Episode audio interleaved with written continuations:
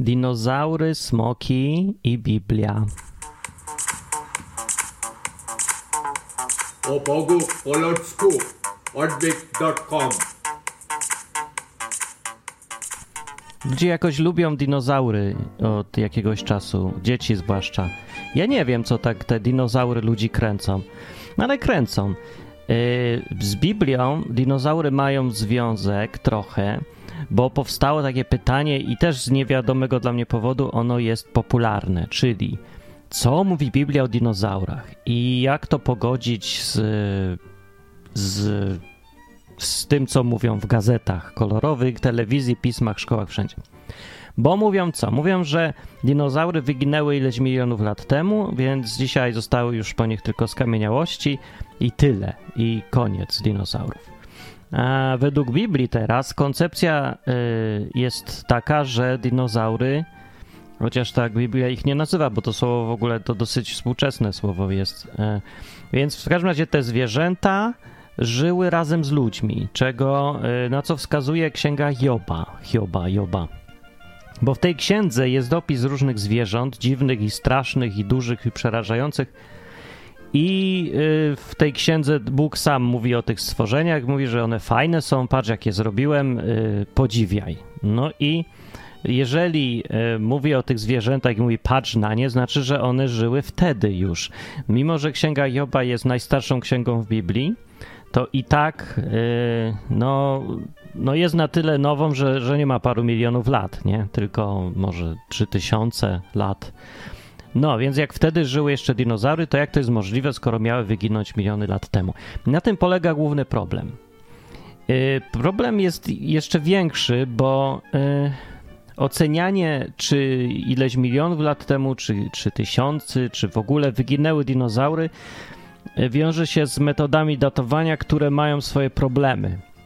Metody datowania radiometrycznego, co są takie ostatnio popularne, miały rozwiązać ten problem, ale go średnio rozwiązują. One same z siebie nie są aż takie złe, bo od ich powstania się sporo do przodu poszło, y, ale one wymagają ciągłego zakładania różnych rzeczy. Na przykład przy datowaniu czegoś musisz wiedzieć, czy, czy to, co chcesz sprawdzić, ile ma lat, powstało miliony lat temu czy tysiące lat temu, bo jest różnica, bo musisz użyć innej metody.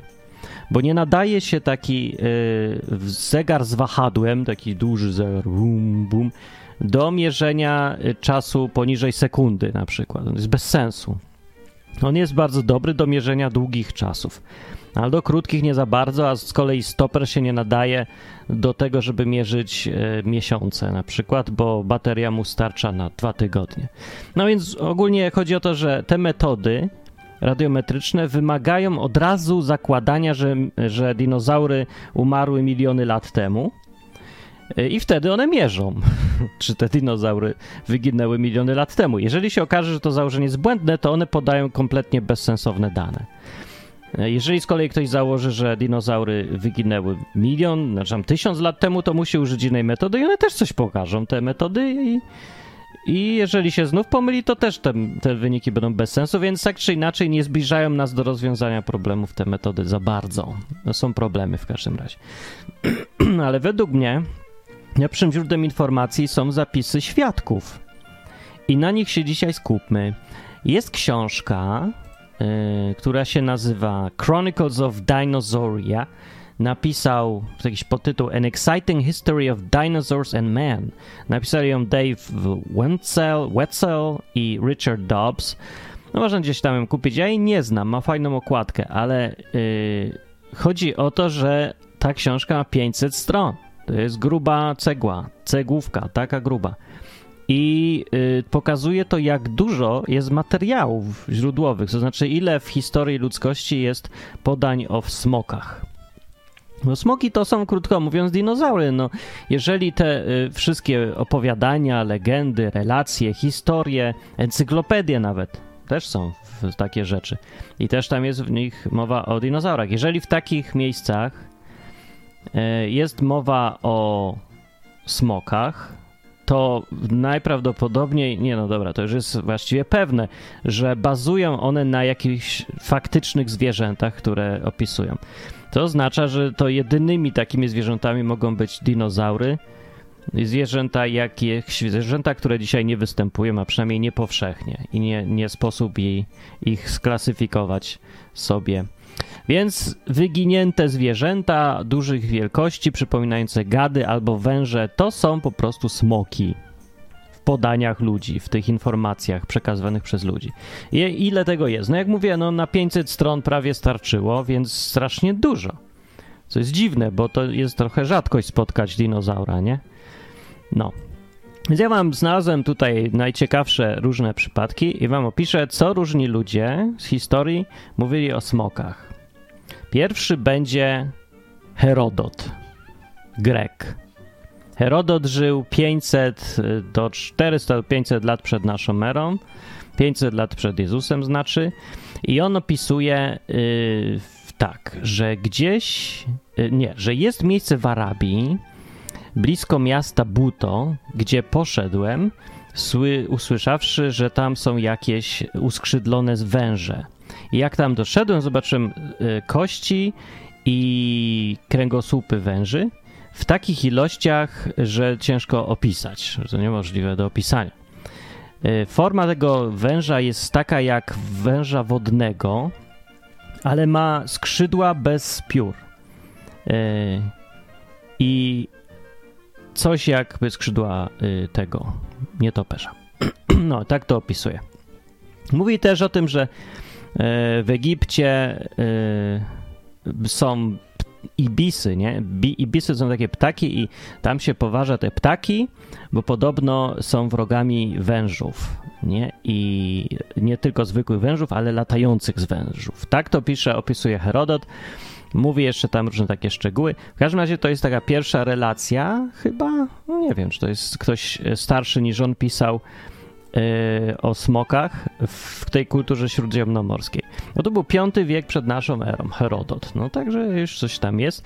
Herodot też nie jest jakiś tam plotkarz, czy tam nieuznawany powszechnie yy, przygłup, tylko no historyk właściwie, no, pierwszy właściwie taki historyk, który zbierał systematycznie materiały i sprawdzał ich dokładność, także się starał. To nie plotkarz, tylko historyk. I on pisał o smokach. No, można to podważać albo nie. Aleksander Wielki y, w 330 roku przed naszą erą, y, jak wiemy z historii, najechał Indię, najechał w ogóle pół świata, dojechał do Indii i tam umarł na syfa. albo na coś innego, ja nie wiem dokładnie. W każdym razie był w tych Indiach i tam różne rzeczy zwiedzał ze swoimi ludźmi i zwiedzał różne też zwierzęta, spotkał i według e, przekazów jego e, no, wojskowych tam żołnierzy, poruczników, czy jak tam e, Ones, Onesikritus się nazywał ten gość, co mówił relacje, że byli w Indiach i tam przeszli sobie do jaskini. I w jaskini w Indiach żył jakiś wąż i lokalni ludzie mówili, żeby tam nie wchodził, bo to święty wąż duży i, i żeby go nie ruszać.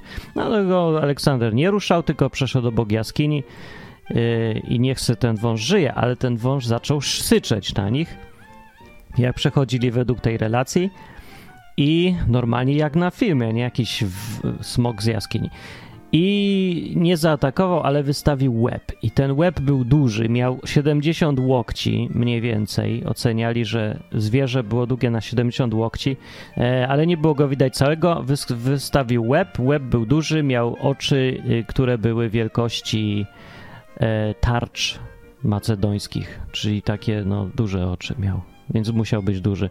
I taka jest relacja Aleksandra Wielkiego odnośnie smoków, a dokładnie to jednego z jego y, poruczników tam.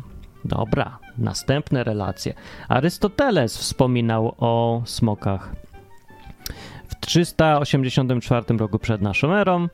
E, ale mi się już nie chce czytać dokładnie, w każdym razie wspominał. Dużo o smokach pisał Marco Polo. Marco Polo, nie wiem czy znasz, pojeneś? Marco Polo był podróżnikiem, z, jednym z pierwszych e, bardziej znanych podróżników. Marco Polo podróżował przez Azję, Persję, Chiny, Indonezję w XIII wieku naszej ery. 1200 71 do 91 przez 20 lat. E, mieszkał też w Chinach i spisał, książkę napisał pod tytułem Podróże Marco Polo. Widziałem w księgarni, nie w księgarni, w bibliotece i sobie przeglądnąłem, to wpisuje cuda niewidy, więc nie wiem na ile wiarygodny tak naprawdę ten Marco Polo był, bo no jak sobie popodróżował, to coś jak Tony Halik, nie? Tony Halik ogólnie pisał to, co było, nie? Pisał relacje, ale lubił się koloryzować. I tak podróżnicy tak mają. Jak Cejrowski dzisiejszy też tak lubi podkoloryzować, jakś tak fajniej brzmi, że ogólnie nie piszą nieprawdy. Piszą prawdę, ale dorabiają różne kolorowe szczegóły albo jakieś takie własne dodatki, perspektywy, zmieniają różne takie rzeczy. Więc podejrzewam, że Marco Polo też tak robił, chyba ojciec wszystkich Cejrowskich e, i Tony Halików. No w każdym razie w rozdziale 49 książki Podróże Marco Polo z 1300 roku naszej ery pisze, y, opisuje smoki, które były w prowincji Karajan, Karajan gdzieś tam, nie? I mówi, mm, że zostawiwszy, zostawiwszy miasto Yachi, yy, gdzie to w ogóle było gdzieś nie mogę znaleźć, gdzie dokładnie to jest. A może sobie pewnie znaleźć na mapie. W każdym razie zostawił to miasto Yachi i podróżował 10 dni na zachód yy, i dojechał do prowincji Karazan. Yy, I tam są widziane, widywane wielkie węże. Mają 10 kroków długości, czy to jest około no, 10 kroków, 10 metrów, 9 metrów i 2,5 metra, już to przeliczyłem, 8 stóp mniej więcej, yy, będzie 2,5 metra wszerz. Czy tam obwodu? Jakoś tak, chyba tak. Jak to będzie? Nie wiem dokładnie. W każdym razie z przodu y, blisko głowy mają dwa krótkie, dwie krótkie nogi i tam mają po trzy kły jak od, dino, jak od tygrysa i oczy większe niż bochenek, niż pany de quattro denari, i bardzo świecące, takie glaring napisał. Szczęki są szerokie tak, że mogą połknąć człowieka, a zęby są wielkie i ostre i w ogóle mają imponującą postać całą. Eee, więc nie da się do nich podejść ani człowiek, ani zwierz nie podchodzi bez poczucia strachu, bez lęku, bo mam, bo ja mam takie imponujące są. E, inne są mniejszych rozmiarów, mają 8, 6 albo 5 no, paces, kroków, długie, może 5 metrów. I y, bierze się je tak. bierze się je tak. Czyli łapie się je tak. Podczas dnia, jak jest dużo, y, duży gorąc, to one siedzą w jaskiniach. Widzicie, jak do tej pory to się zadziwiająco dobrze zgadza. To zmiennocieplne zwierzęta rzeczywiście muszą uważać, żeby się ani nie przegrzeć, ani nie zaziębić, więc podczas żarów siedzą w jaskiniach. E, więc to, to z tego opisu wynika, że to musiały być właśnie takie zwierzęta, co mniej więcej no, no, do tego samego doszli współcześni naukowcy uważając, że te dinozaury były zmiennocieplne, nie? Także takie jaszczurkowate rzeczy. W każdym razie siedzą sobie w tych jaskiniach i w nocy y, one szukają jedzenia. Y, no i też tam jedzą, wilka zjedzą, tygrysa zjedzą i tak. No i potem on opisuje, jak można je tam a potem, aha, a potem zaciągają te zwierzęta do jezior albo do wody, żeby pić. I. Yy, no dobra, i potem zostają takie duże ślady przez to, i można je złapać i, i zapolować na takiego smoka. No dobra, on tam więcej opisuje, że mi się nie chce tego czytać. W każdym razie jest to cały dosyć szczegółowe ten opis. Zadziwiająco szczegółowy to nie są też y, takie opisy legendarne, tylko opisy zachowań, tak jakby y, były na podstawie obserwacji. No jest to przedziwne i niespodziewane, że ktoś w taki sposób może opisywać zwierzęta, które miały być ewidentnie legendarne tylko, albo takie bajkowate, no. No nie pisze się o zwyczajach polowania y, zwierząt, które się właśnie wymyśliło, no chociaż, że ktoś ma większą wyobraźnię, to może. W każdym razie dosyć dużo, duży jest ten opis i zaskakująco rzeczowy. Jest tam, on też tam pisał o tym, że można wykorzystywać różne części ciała do celów medycznych tych smoków. E, to się też powtarza w innych relacjach. E, Jest też, powiedział też, że y, mięso tych zwierząt jest sprzedawane za wysoką cenę mm, i jest uważane za właśnie jedną z, naj, z najsmaczniejszych rzeczy. No pewnie tak, mięso tyron, tyronozaurzyna, jak się mówi. Wołowina to wół, wołowina, dinozaur, dinozaurzyna, dinozaurzyna. Yy, mieszkał też gdzieś w 1271 roku naszej ery. Mieszkał w Chinach przez 17 lat i tam yy, Marco Polo pisze, że cesarz chiński używał smoków, żeby ciągnęły jego yy, powóz podczas parad.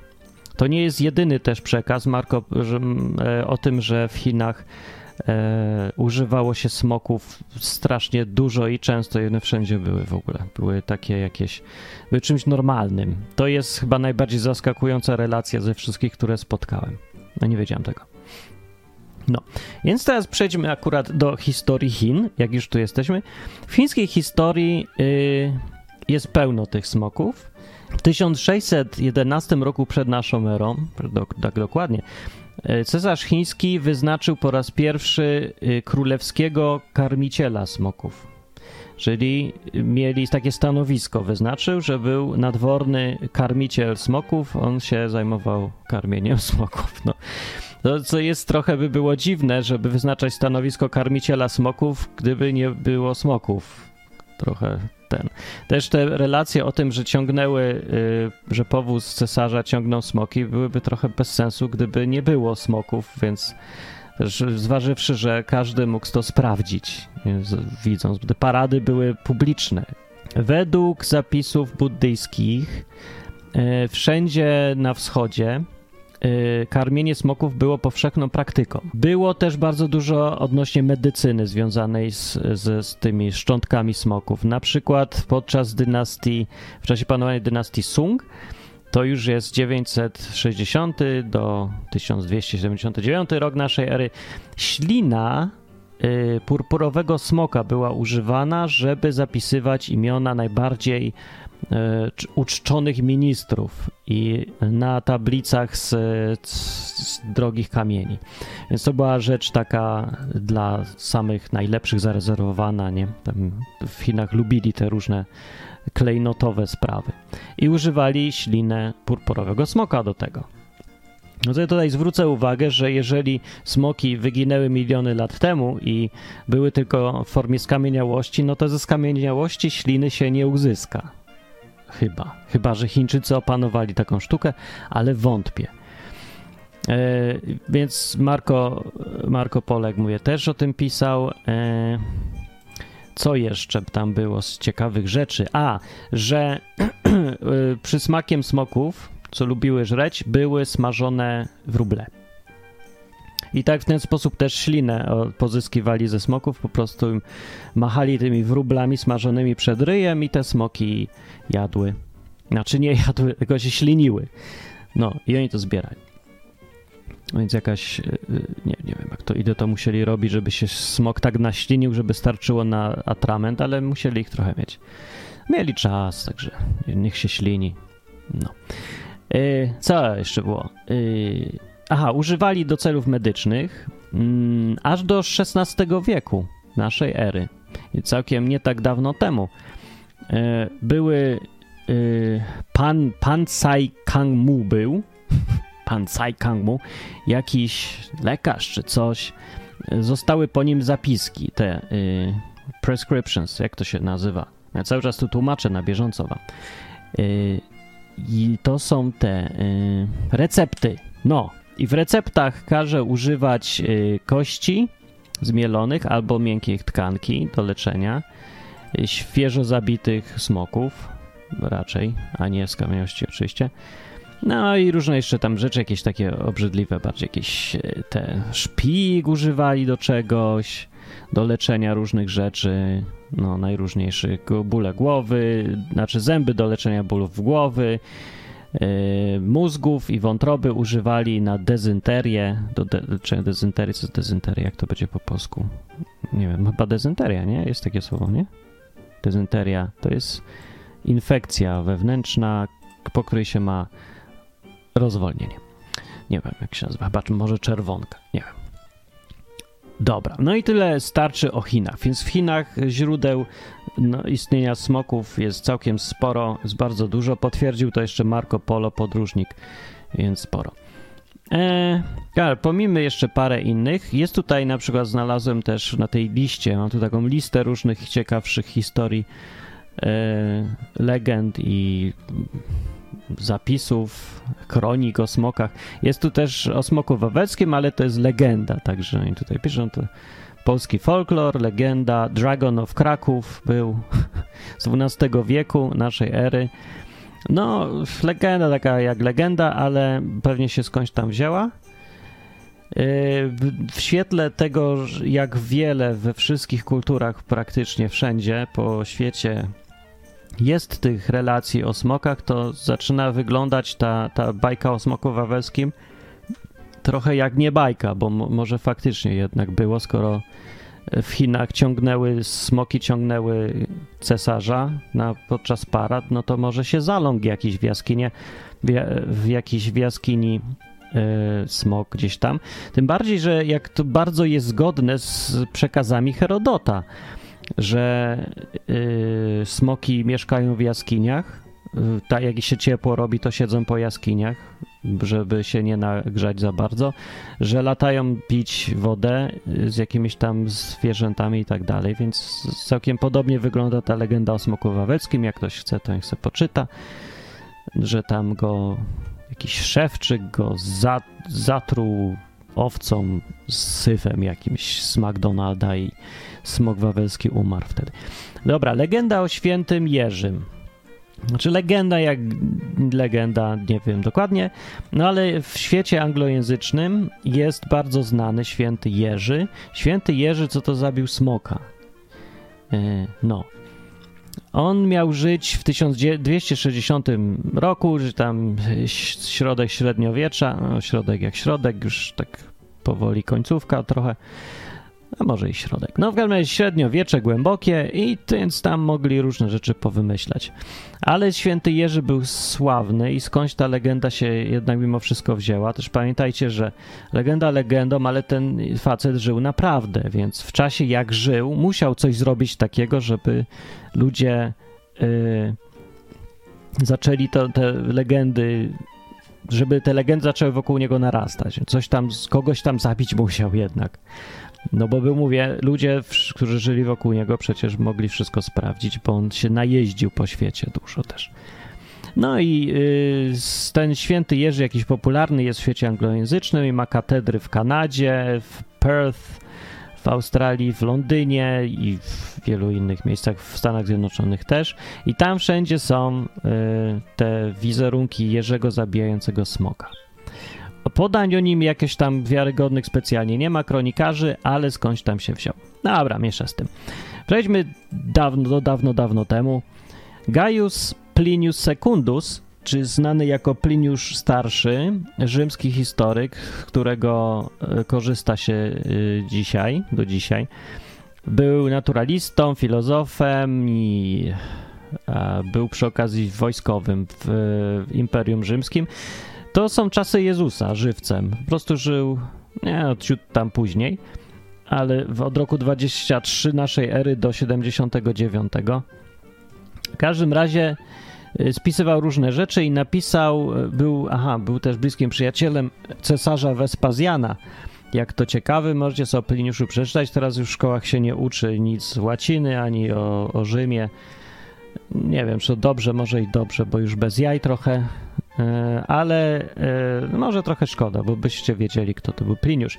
I pewnie byście też czytali po łacinie w szkołach, mm, by was to strasznie męczyło, ale byście się mogli dowiedzieć między innymi, że w Afryce są słonie. Tak pisuje Pliniusz, pisał o tym.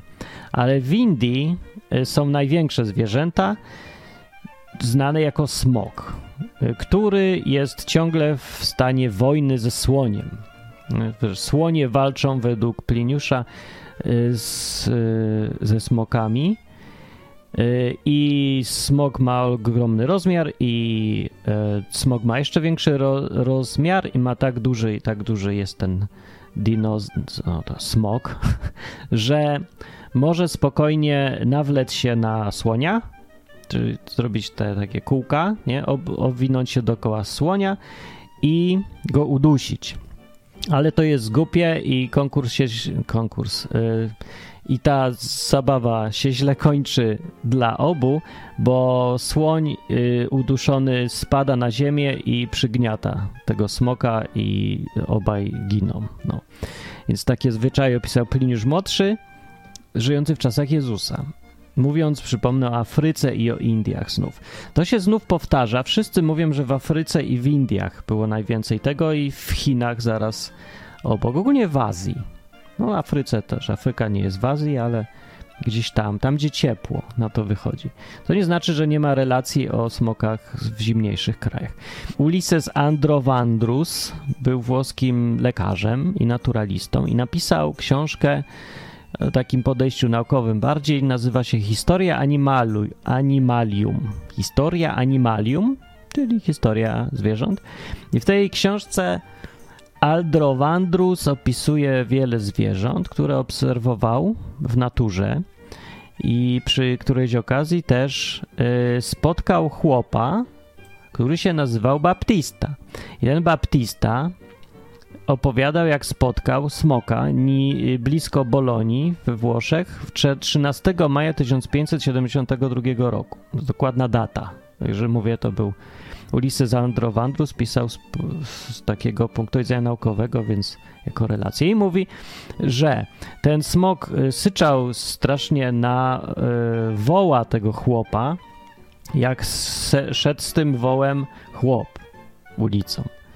I Baptista walnął w łeb tego smoka, to nie był taki duży smok, więc walnął w łeb tego smoka laską i zabił go. To się w porównaniu z innymi opisami to się wydaje teraz trochę dziwne, bo wszyscy przedstawiali te smoki jako strasznie trudne do zabicia i, i wielkie zwierzęta. Tu nagle chłop zabija laską?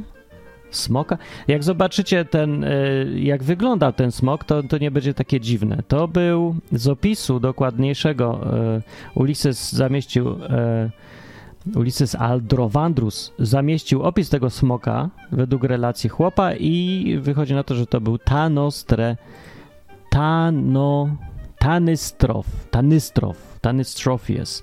To jest taki przedziwny zwierz, którego szczątki yy, mamy tutaj i sklasyfikowano go. To jest taki jakby taka jakaś jaszczurka z taką strasznie długą szyją. Idiotyczne trochę, ale bardzo charakterystyczne jest to.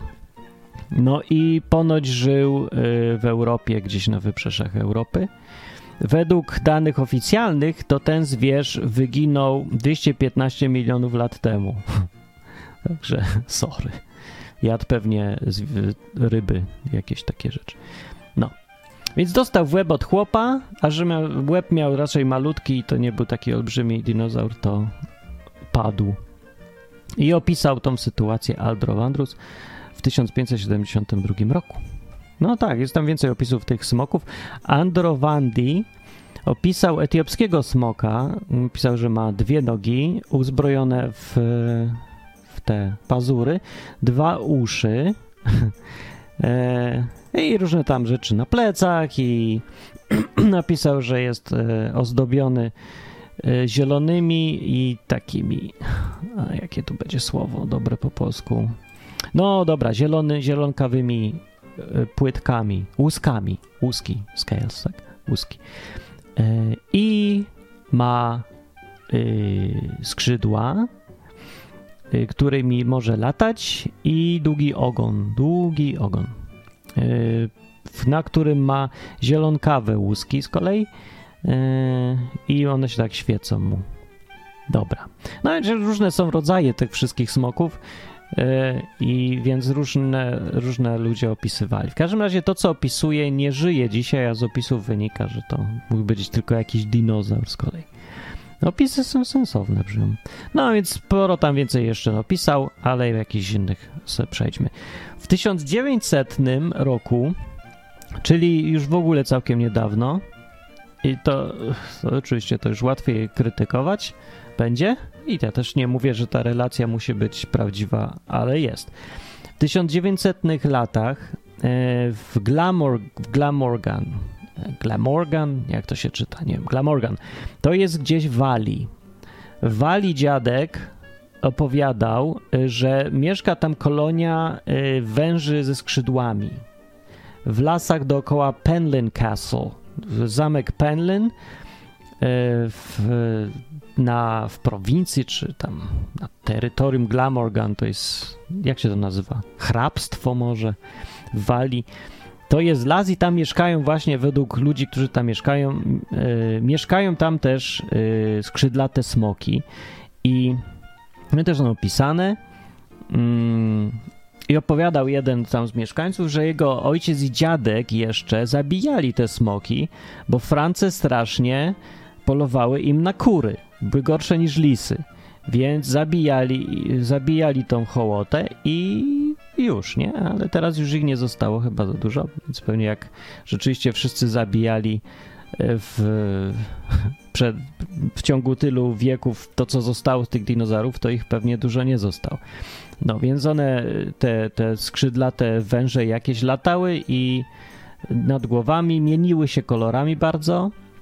Niektóre y, się mieniły jak tęcza, tak opisał ten mieszkaniec tam, ten gdzieś tam dziadek jakiś.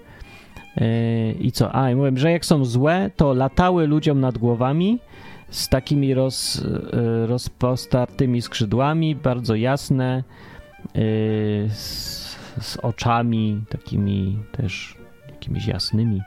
No, i mówi, że to nie jest y, historia, którym straszy się dzieci, tylko fakt. I mówił właśnie, że jego ojciec i wujek, a i wujek zabijali ich, bo, bo były, mówię, gorsze niż lisy i zabijały im kury, więc dlatego tępili to to. No, ale y, mówię, rok był 1900, 1900, znaczy w XX wieku te relacje jeszcze ciągle były, że gdzieś tam jest. Jak ktoś, nie wiem, ma ochotę przejechać się do Glamorgan i połazić po lesie, to ja zachęcam z kamerą od razu, może wreszcie jakieś zdjęcie, by zrobić tego y, dzisiejszego smoka czy jakiegoś innego stwora. No. Wspomnę teraz o gościu, który się nazywa e, Cornelio Meyer. Jest dyskusyjna jego sprawa, bo to równie dobrze może być y, wszystko ściema, ale, ale no nie wiem, sprawdzałem i wychodzi na to, że no nie za bardzo mi to pasuje, że wszystko jest ściema, a jeżeli jest to jakaś niewiarygodnie sprytna. Był w każdym razie inżynierio, inż, inży, inżyniero, inżyniero Cornelio Meyer, Włoch. Yy, żył blisko Rzymu yy, w 1695, 1691 roku. Yy, I w grudniu tam ponoć gdzieś koło Rzymu żył jakiś smok, no, czyli dinozaur. I zgodnie z tą historią mieszkał gdzieś w jaskini i terroryzował lokalnych, lokalną populację ludzi, nie mieszkańców. E, I e, ci, co tam na niego polowali, jednym z nich był. E, znaczy, jedni, ci, co tam polowali, narysowali, jak mniej więcej wyglądało to zwierzę. No bo w 1695 roku, no szkoda, ale nie mieli jeszcze aparatów fotograficznych i nie zrobili, ale narysowali i kupił to inżynier Cornelio Meyer i zrobił taki model.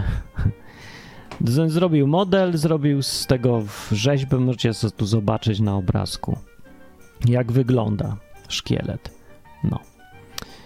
Yy, czy tam w ogóle odtworzenie tego czegoś. No, ludzie mówią, że to może, może sobie powymyślał. Może sobie powymyślał, ja nie wiem, ale skądś sobie musiał to wymyślić i z, jakoś tak, yy, nie wiem. Znaczy, z krytyka mówi, na przykład krytycy mówią, że to jest prosta ściema, po prostu połączył e, części ciała z różnych zwierząt i wyszła mu taka masakra jakaś, a Boże, to się nie zgadza, nogi skaczki, głowa z jakiegoś psa czy czegoś. No, może. Nie wiem, ale jest taka historia.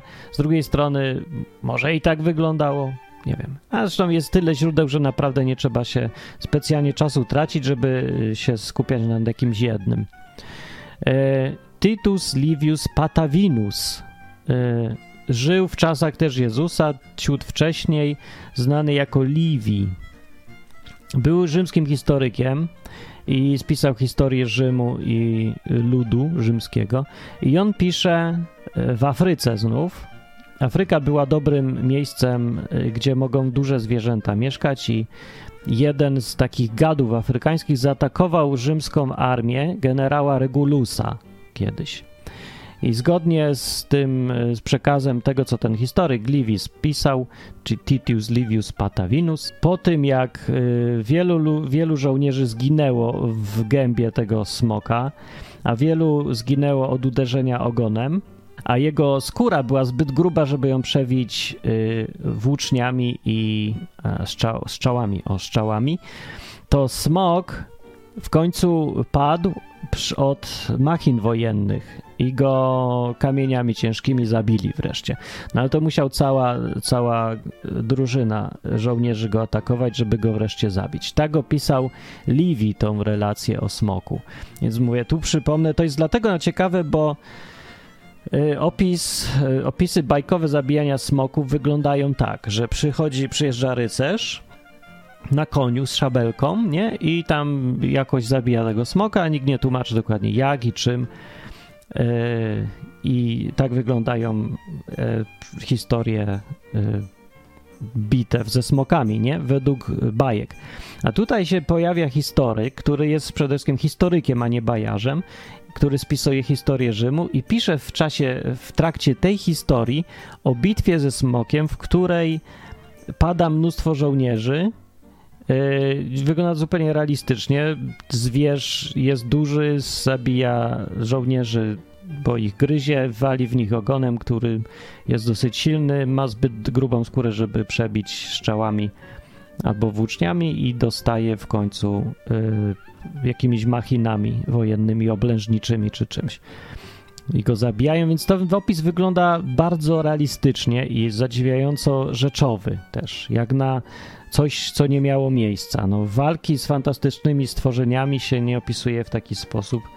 Zresztą, e, no jak ktoś chce wymyślać na chwałę Rzymu jakieś wielkie bitwy z mitycznymi stworzeniami, no to sobie tam wymyśla, że własnoręcznie cesarz jednym palcem podniósł dzidę i wbił smokowi prosto w serce i smok miał w ogóle 300 ton ważył i, i tak dalej, nie?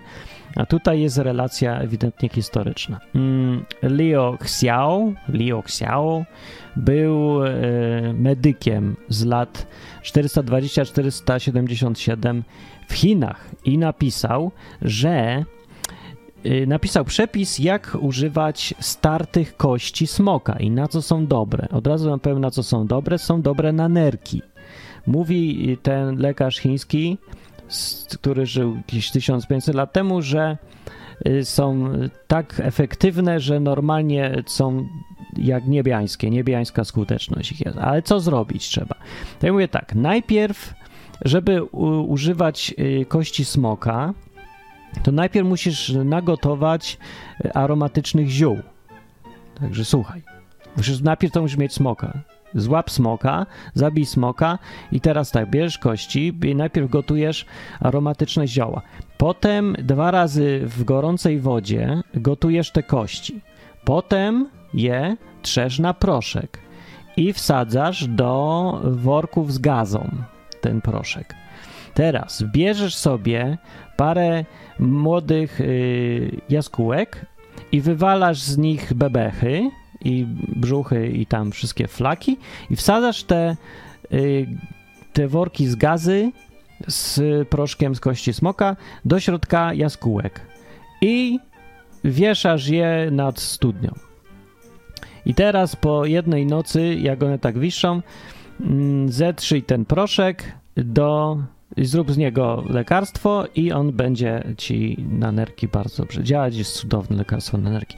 Taki jest opis, y, przepis na lekarstwo z kości smoka. Nie wiem, brzmi dobrze, można by spróbować, sensownie w miarę. Y, medycyna chińska ma jednak ileś tam setek lat doświadczenia, więc można spróbować. No problem w tym, że ciężko znaleźć kości smoka. Ja nie próbowałem na Allegro szukać kości smoka, kupię. Może jest gdzieś, tak dam ogłoszenie tam się tylko sprzedaje. Nikt nie sprzedaje smoka no ich trochę mało, może ich faktycznie y, ci wszyscy rolnicy wytukli te smoki, bo one France żrał, żer, żereły im y, zwierzynę. No smoki nie miały szans przetrwać, dinozaury czy, y, czy jak je tam nazywać. Rzeczywiście, jeżeli były zmiennocieplne czy coś, to miały problemy, żeby no musiały żyć w takich starannie dobranych warunkach, czyli chłodzić się w jaskiniach albo wygrzewać, jak jest za zimno, nie może być za zimno, nie może być za ciepło. Duże zwierzęta mają większe pewnie wymagania, jeżeli są zmiennocieplne. Więc nic dziwnego, że coraz bardziej musiały wyginąć. Też pamiętajcie, że jakieś takie przejmowanie się gatunkami zwierząt, zachowywanie gatunków, dokumentowanie, historyczne podejście, to wszystko to jest ostatnie 200 lat praktycznie historii ludzkości. Wcześniej nikogo to nie obchodziło. Że było, że przychodzi do mnie jakiś smog i niesamowite zwierzę, to ja je zabijam, bo on mi kury zeżre. Mnie nie obchodzi mnie, czy to będę, czy to jest ostatni przedstawiciel gatunku smoków, czy nie. Mnie, mnie obchodzi moja kura, a nie, żeby przyszłe pokolenia miały zachowane szczątki dinozaura. Więc nikt się tym tak bardzo nie przejmował. Więc tak jak opowiadał dziadek z Walii, jak ojciec miał problemy z jakimiś jaszczurkami latającymi, bo mu żarły kury jak lisy, to poszedł do lasu i je zabił. A nie się zastanawiał, że on tutaj naturę psuje i rezerwat trzeba zrobić, tylko zabije i ma spokój, bo mu kury nie zadziobią. Jego kury są naprawdę 100 razy ważniejsze niż wszystkie e, spisywania jakichś dokumentów o dinozaurach. Więc tylko nieliczni ludzie, co bardziej wykształceni, jacyś świadomi, Y, zachowywali relacje albo spisywali historię, albo nawet, nie wiem, próbowali rysunki robić czy coś. Niewiele tego było, więc stąd wszystko jest, wydaje się, jak najbardziej zrozumiałe i uzasadnione, że dzisiaj y, tych dinozaurów nie ma, nawet jeżeli przetrwały Y, dosyć długo. Jeżeli te relacje są prawdziwe, to smoki występowały 2000 lat temu, 1500 lat temu jeszcze całkiem sporo. No, nie tak powszechnie jak kury pewnie i lisy, ale były, bywały, I bo wszędzie są o nich relacje. I z biegiem czasu ich było zwyczajnie coraz mniej. W dzisiejszych czasach pewnie już nie ma ich wcale, ale nie zdziwię się specjalnie, jeżeli faktycznie w tym lesie znajdą jakąś, jakiegoś węża latającego z dwoma nogami. E, może ostatniego już. A może już faktycznie ich nie ma, bo wyrąbali ostatnie resztki ludzie. Ze, ja wiem, od trzech, dwóch, trzech, czterech wieków już pewnie się tępiło to do reszty. No, dobra. Yy, jeszcze, jeszcze jest parę informacji o tych smokach, ale już mi się naprawdę nie chce tego czytać. Nie ma specjalnie sensu. Jeszcze jest yy, na koniec tylko Edward Topsell, napisał zoologiczną taką pracę, która się nazywa History of Four-Footed Beasts. Napisał w 1658 roku. Napisał, że są smoki, które mają skrzydła i nie mają nóg. Niektóre z kolei mają i skrzydła, i nogi, a same nie mają z nóg ani skrzydeł, ale są, e, no są takie wyróżniają się y, tym, że są wężami, bo mają coś tam na głowie. Dobra, nie chcę mi tego wszystkiego jeszcze czytać. Pisze, że też mają czarny kolor, y, ale brzuch jest trochę zielony, są bardzo piękne i mają też y, kilka rzędów zębów w szczęce i mają, to, to jest ciekawe, że mają jasne i przejrzyste oczy, które powodowały, sprawiały, że poeci odwołują się do nich w swoich tekstach, że i pisząc, że smoki są, yy, że często pilnują skarby, skarbów, że są keepers of treasures, że są strażnikami skarbów. Stąd się wzięła ta, to poetyzowanie. To wszystko, jeżeli się tak weźmie do kupy, to naprawdę dużo rzeczy się staje jasnych. Skąd te, y, ten smoki u Tolkiena się wzięły? Tolkien zajmował się badaniem takich historycznych różnych spraw i rzeczywiście jego wymyślany smok ma bardzo dużo odniesień do tego właśnie, co można znaleźć w Scientific, e, e, nie, w History of Four-Footed Beasts z 1658 roku. Pewnie czytał, no. E, więc jego historia o smoku, który pilnował skarbów odwołuje się do takich rzeczy. Do legend przeszło wiele rzeczy, które wszystko na to wskazuje, mają swoje źródła w faktach. Też wszystko na to wskazuje, jeżeli już to podsumować, że te relacje, których jest niesamowita ilość, e, relacje o smokach e, wskazują na to, że były te smoki, rzeczywiście żyły między ludźmi, najróżniejsze gatunki, różne rodzaje, miały ze sobą wiele wspólnego. Przede wszystkim powtarza się wszędzie ogromny rozmiar. Rozmiar i siła tych zwierząt. Powtarza się też zawsze e, ich e, zachowanie, które wskazuje, że są zmiennocieplne, czyli że to siedzenie w jaskiniach jakieś. Powtarzają się też rzeczy o oczach, które są jakoś, robią wrażenie charakterystyczne, że zawsze mają jakieś długie ogony, że są takie jaszczurkowate. To też się powtarza zawsze ciągle tutaj. Bardzo dużo odwołań jest do y, skrzydeł, chociaż niektórzy mówią, że skrzydeł nie było, ale przeważnie są. Nie wiem, czy przeważnie, ale bywają. nie wiem też skąd się to bierze.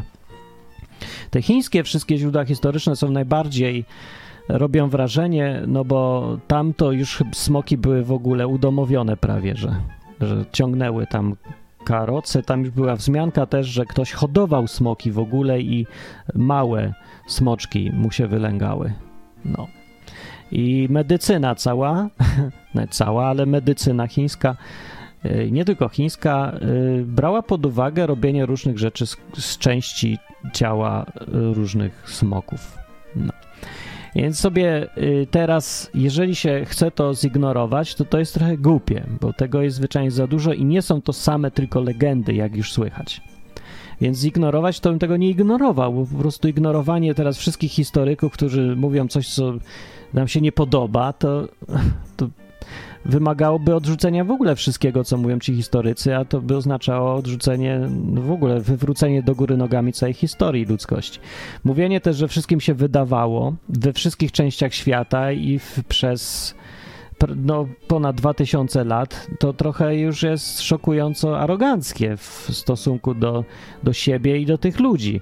No to mimo wszystko byli ciągle ludzie, nie, nie mieli powodu okłamywać nikogo, wszystkich dookoła, że istnieją jakieś zwierzęta, które tak naprawdę nie istnieją. I jeszcze opisywać je w jakiś detaliczny sposób, chociaż bywają na pewno i takie przypadki, i niektóre z tych historii Y, są zwykłą ściemą. Zresztą są takie, też sprawdzałem, jest sporo różnych figurek, które sprzedają Meksykanie, które y, wyglądają jak różne tam dinozaury. No i czepią kasiole na tym ci sprytni Meksykanie, bo turyści są bardzo napaleni na figurki dinozaurów. Niestety jest coraz większy problem z tym, żeby odróżnić coś z autentyk, a co nie. Bo mogły być i takie figurki prawdziwe, ale mogli też dorobić własne i pomieszać jedne z drugimi i teraz cholera wie, które są autentyki, a które są dla turystów dorobione, no bo jest moda na szukanie figurek, znaczy moda jak moda. No jeżeli o tym jakiś chłop tam z Meksyku się dowie, że Europejczycy biali, bogaci, gringos lubią e, dużo płacić chcą za figurki y, dinozaurów, no to zobaczy se parę albo powymyśla i zobaczy, co się sprzedaje i posprzedaje. No, ludzie mają swoje powody, żeby też nabijać innych w butelkę, żeby na nich zarabiać zwyczajnie. Nie? No to jak jest powód, to jest powód. Ale historyk, który opisuje zwierzęta, y, nie ma żadnego powodu, żeby kłamać. Jemu zależy na reputacji, więc nie będzie wymyślać nie wiadomo po co głupkowatych historyjek, y, żeby się lepiej czytało, po to, żeby stracić całą renomę historyka, kiedy już mu zależy na przede wszystkim utrzymaniu swojej wiarygodności. Więc to jest y, relacje wszystkich historyków z encyklopedii jakieś, wycinki, to są bardzo wiarygodne źródła. Znacznie bardziej wiarygodne niż relacje o potopie, które już same z siebie są naprawdę wiarygodne z powodu choćby ogromnej ich liczby i podobieństw między relacjami o potopie. Ale potop miał miejsce dawno, dawno temu jednorazowo, więc wszystkie e, legendy, czy tam nie legendy nawet, tylko no, podania, relacje na ten temat musiały się zestarzeć i ulec trochę przekłamaniu, e, głuchy telefon zadziałał i tak dalej. Ale jeżeli chodzi o dinozaury, niekoniecznie bo wiele z nich mogło przetrwać całkiem długo jeszcze, więc głuchy telefon nie działał aż tak silnie. Stąd też i jest ta duża liczba y, zadziwiająco wiarygodnych relacji o y, dinozaurach, które żyły równolegle z ludźmi ciągle jeszcze, więc nie wymarły tak do końca. Jak to się ma do teorii ewolucji, to wszystko jeszcze co mówię na koniec? Ją rozwala, bo problem polega na tym, że mm, rozwalać jak rozwala, w teorii ewolucji wszystko łyknie, ale jest po, potężny problem, bo chodzi o to, że y, dinozaury miały wyewoluować w następne rzeczy. Po 300 milionach lat Y, które upłynęły od, od y, czasu, kiedy miał żyć ten czy inny gatunek, to ten zwierz powinien się już dawno zmienić w jakiegoś innego zwierza, a tymczasem znajduje się, no to by wychodziło, w relacjach ludzi zwierza identycznego właściwie z tym, który znamy z wykopalisk. Więc coś tutaj Y, słabo, tak, że to nie jest jakiś tam argument podważający, że ewolucja nie miała miejsca, ale na pewno jest to bardzo silny argument za koncepcją, że zwierzęta nie ewoluują w ogóle, że po prostu są, zachowują swoje cechy przez długi czas, o ile w ogóle istniały przed milionami lat, co ja poddaję w silną wątpliwość, bo mam bardzo duże wątpliwości. E, źródła są bardzo poszlakowe, o bym powiedział, a, i nieprzekonujące.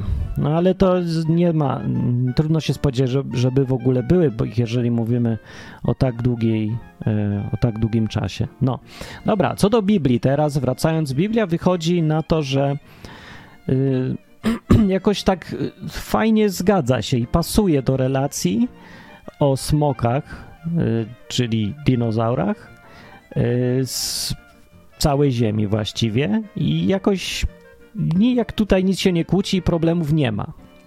Problemy są z zakładaniami tylko nauki. To nauka, że nie wiem, to co się mówi jako nauka, to co się uznaje za naukę, to to ma problem z tymi wszystkimi legendami o smokach.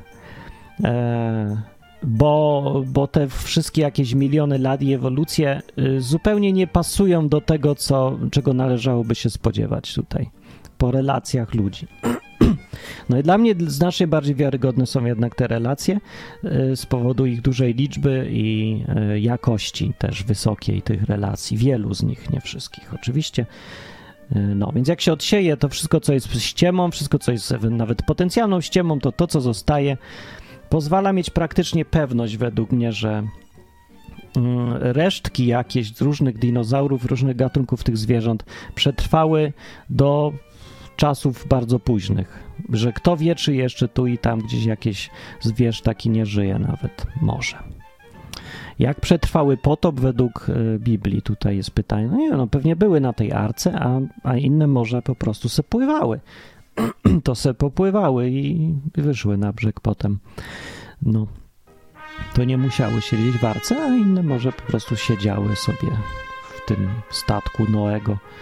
Mogło tak być? Mogło. Nie wiem. No, tyle o smokach. To był odcinek o smokach i e, dinozaurach w Biblii. Jaki z tego wam wniosek płynie? Taki sobie wyciągnijcie. Ja nie daję tutaj wniosków. Ja mówię, moje wnioski są takie, że nie, nie widziałem w ogóle nigdy problemu, dlaczego ludzie mają problem z dinozaurami. Bo nie zakładałem z góry, że one musiały wyginąć, ani wcale nie wierzę, że musiały koniecznie żyć y, tam setki milionów lat temu no, że nie ma wcale takiej, to nie są takie mocne argumenty. No. Nie, nie mam zaufania do tych metod, bo ciężko je sprawdzić empirycznie. Dużo większe e, zaufanie mam do po prostu relacji świadków, że widziałem, to widziałem, a mi ktoś rozumą dochodzi, że nie mogłem widzieć. Nie mogłeś widzieć, bo mi się to nie zgadza z koncepcją. Mówię, no sorry, ja bardziej wierzę temu, że widziałem, a nie temu, że tobie się nie zgadza akurat z teorią. No to zmień teorię. No wielu ludzi uważa, że to jak się coś nie, praktyka nie zgadza z teorią, to tym gorzej dla praktyki. Bo to teoria jest ważniejsza niż to, co jest naprawdę. No i moje podejście, że to, co jest naprawdę, jest ważniejsze. To naprawdę było to, co było naprawdę, a nie to, co ja chcę, żeby było naprawdę. To działa we wszystkie strony oczywiście i wcale z tego nie płynie wniosek, że Biblia, świat według Biblii musi być prawdziwy, a świat według jakichś innych koncepcji nie musi być. Po prostu świat jest prawdziwy taki, jaki jest świat prawdziwy. Ale jak na razie mnóstwo jest argumentów, wiele na to wskazuje, że wizja świata, e, opis historii świata według Biblii jest właściwie, mimo tego, że też ciężko to zaakceptować, trudno, dziwny się wydaje, trochę jakiś miejscami nierealistyczny, ale i tak jest chyba najlepszą alternatywą. Przynajmniej jako y, teoria robocza jest jak najbardziej akceptowalny. No, jak mi się tutaj zdaje z tych źródeł, które znamy.